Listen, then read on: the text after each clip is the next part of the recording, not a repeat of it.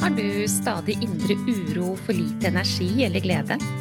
Ønsker du kartet for endring i dette? Hver episode er dedikert til å gi deg gullnøkler for livsglede og ro. Du får strategier og innspill som hjelper deg fra nedstemt til oppstemt og fra uro til ro.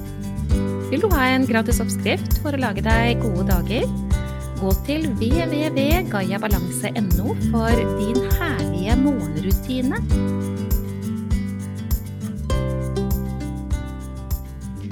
I denne episoden så skal jeg snakke enda mer om frykt.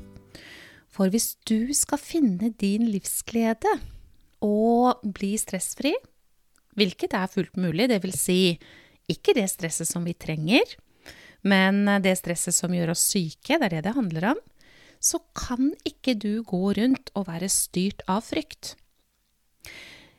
Altså, antageligvis den mest kraftfulle hindringen din, det er hva som er frykt. Vi må snakke mer om dette. Det drømte jeg om i natt. Derfor så kommer jeg nå med denne episoden hvor jeg snakker enda mer om frykt.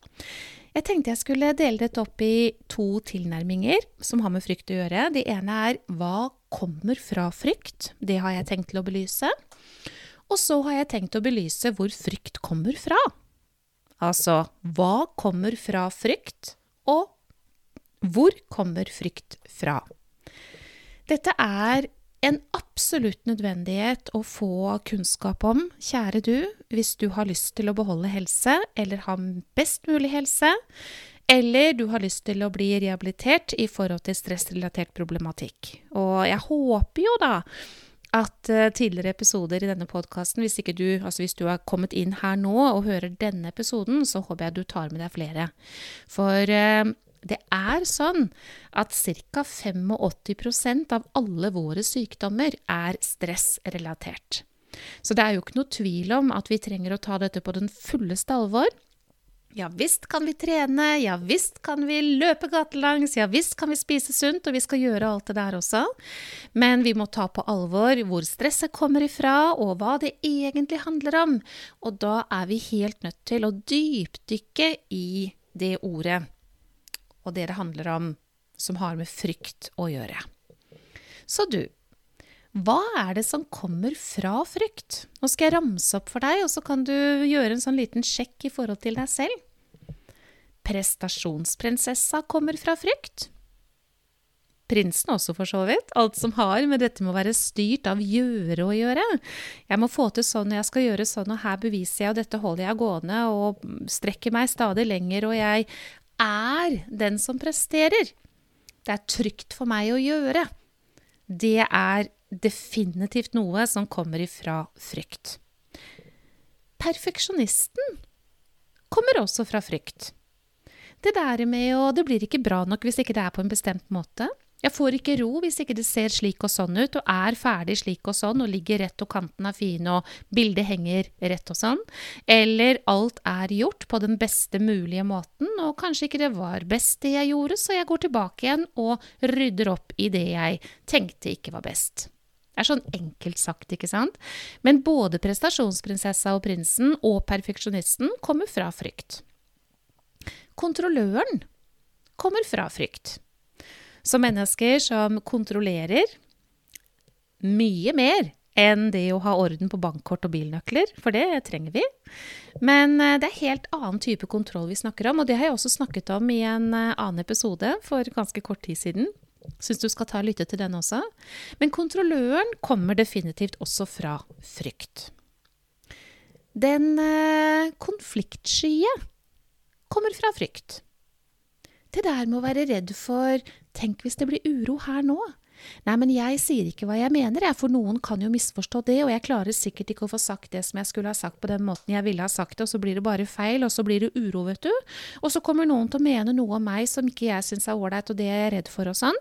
Så jeg velger å tie, sier ingenting, blir stille, avviser, for eksempel. Så prestasjonsprinsessa og prinsen og perfeksjonisten og kontrolløren og den konfliktskye kommer fra frykt.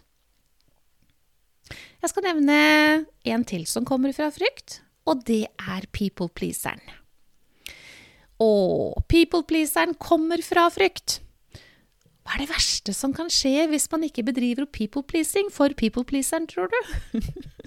Ganske lett å se det når jeg sier det sånn, håper det i hvert fall.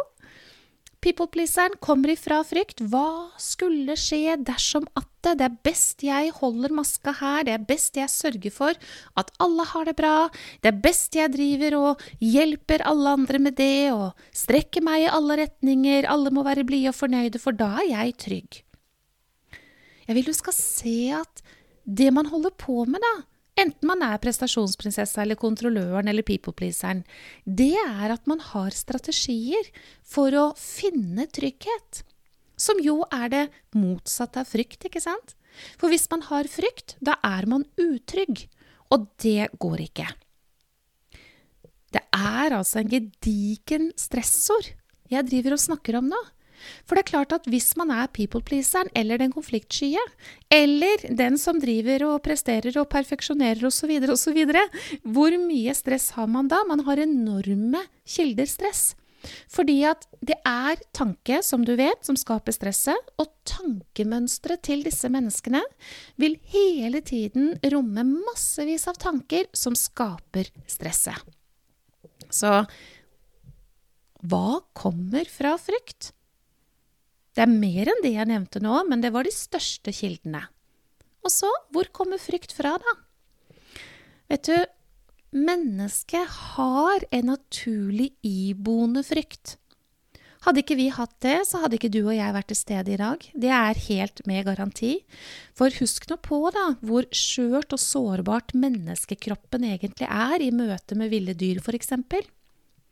I møte med alle farene som mennesket har vært nødt til å finne ut av gjennom alle disse tusenvis av år, da. Vi hadde jo egentlig ikke hatt sjans hvis vi ikke hadde hatt frykt. Så frykten vår, den sunne frykten, det er den frykten som er koblet mot overlevelse. Og jeg, jeg må le, det, det, det, kommer alltid i hodet mitt. Jeg vet ikke hvor det kommer ifra, men jeg skal si det til deg nå, da. Kanskje jeg har sagt det før òg. Altså, du skal ha frykt dersom du er en tur i Brasil, og du har fått et innfall på kveldstid om at du vil danse naken i Brasils bakgater. Da syns jeg du skal være så styrt av frykt at du faktisk lar det være. Du bør også ha frykt dersom du er i dyreparken og bestemmer deg for å klatre over gjerdet til de ville ulvene, liksom. Du ville jo aldri ha gjort det. Nei. Så den sunne iboende frykten, ja, den er koblet mot overlevelse, og den skal vi ha. Og den er ikke farlig for oss. Det er eh, en mulighet for å reagere og ha en atferd i situasjoner som gjør at vi overlever. Eksempel skulle du være ute og kjøre bil, og så skjer det noe i trafikken. Hvis ikke du hadde vært i stand til å mobilisere da for å trykke føttene dine på bremsepedalen, fordi det var det som fikk deg til å overleve, så hadde det gått riktig galt. Et annet eksempel er at du må antageligvis opp om morgenen. Det kan være du har noen forpliktelser i livet ditt som gjør at du må stå opp om morgenen. Og det er ikke sikkert du alltid har så lyst til det, men hva skjer om du ikke står opp? Hvis du ikke møter til det møtet, vet du, hvis ikke du møter på jobben din osv., de forpliktelsene du har, du ivaretar ikke dem, ja, det kommer til å gå galt. Så du kommer til å mobilisere for å klare å stå opp, og vet du hva? Fra en liggende stilling i senga til å kunne starte dagen, det er også en stressrespons i kroppen. Og den må du ha hvis du skal klare å mobilisere den kroppen ut av senga. Men det der jeg snakker om nå, det er ikke vi redd for i det hele tatt. Det vi er redd for, jeg spesifikt er redd for på dine vegne, og mine egne for så vidt også, det er den frykten, den stressaktiviteten, som gjør oss syke. Og det er det langvarige negative stresset som perfeksjonisten har, som people-pleaseren har, som kontrolløren har, som prestasjonsprinsen og -prinsessa har, som den konfliktskye har. Det kommer ifra historien vår. Ja, vi har det iboende i oss, men i dagens samfunn så trenger vi ikke så veldig mye av det egentlig. Og så er det lært, da. Frykt er lært. Det er lært via andre mennesker som har lært det til deg da du vokste opp og var mest mottakelig for uh, denne installeringen. Det er i barneårene dine. Og så er det lært ut fra hva du har for slags erfaringer i livet, og det er i all hovedsak også fra barneår. Vi snakker om et perspektiv her på 0 til 12 år.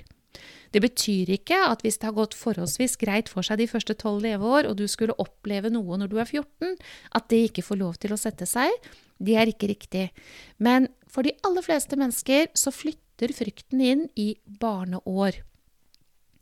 Og det er da hvordan du ble møtt, ikke sant, eller ikke møtt. Om du ble sett, hørt og forstått tilstrekkelig eller ikke. Om du har opplevd å ha erfaringer som du ikke har klart å komme deg ut av.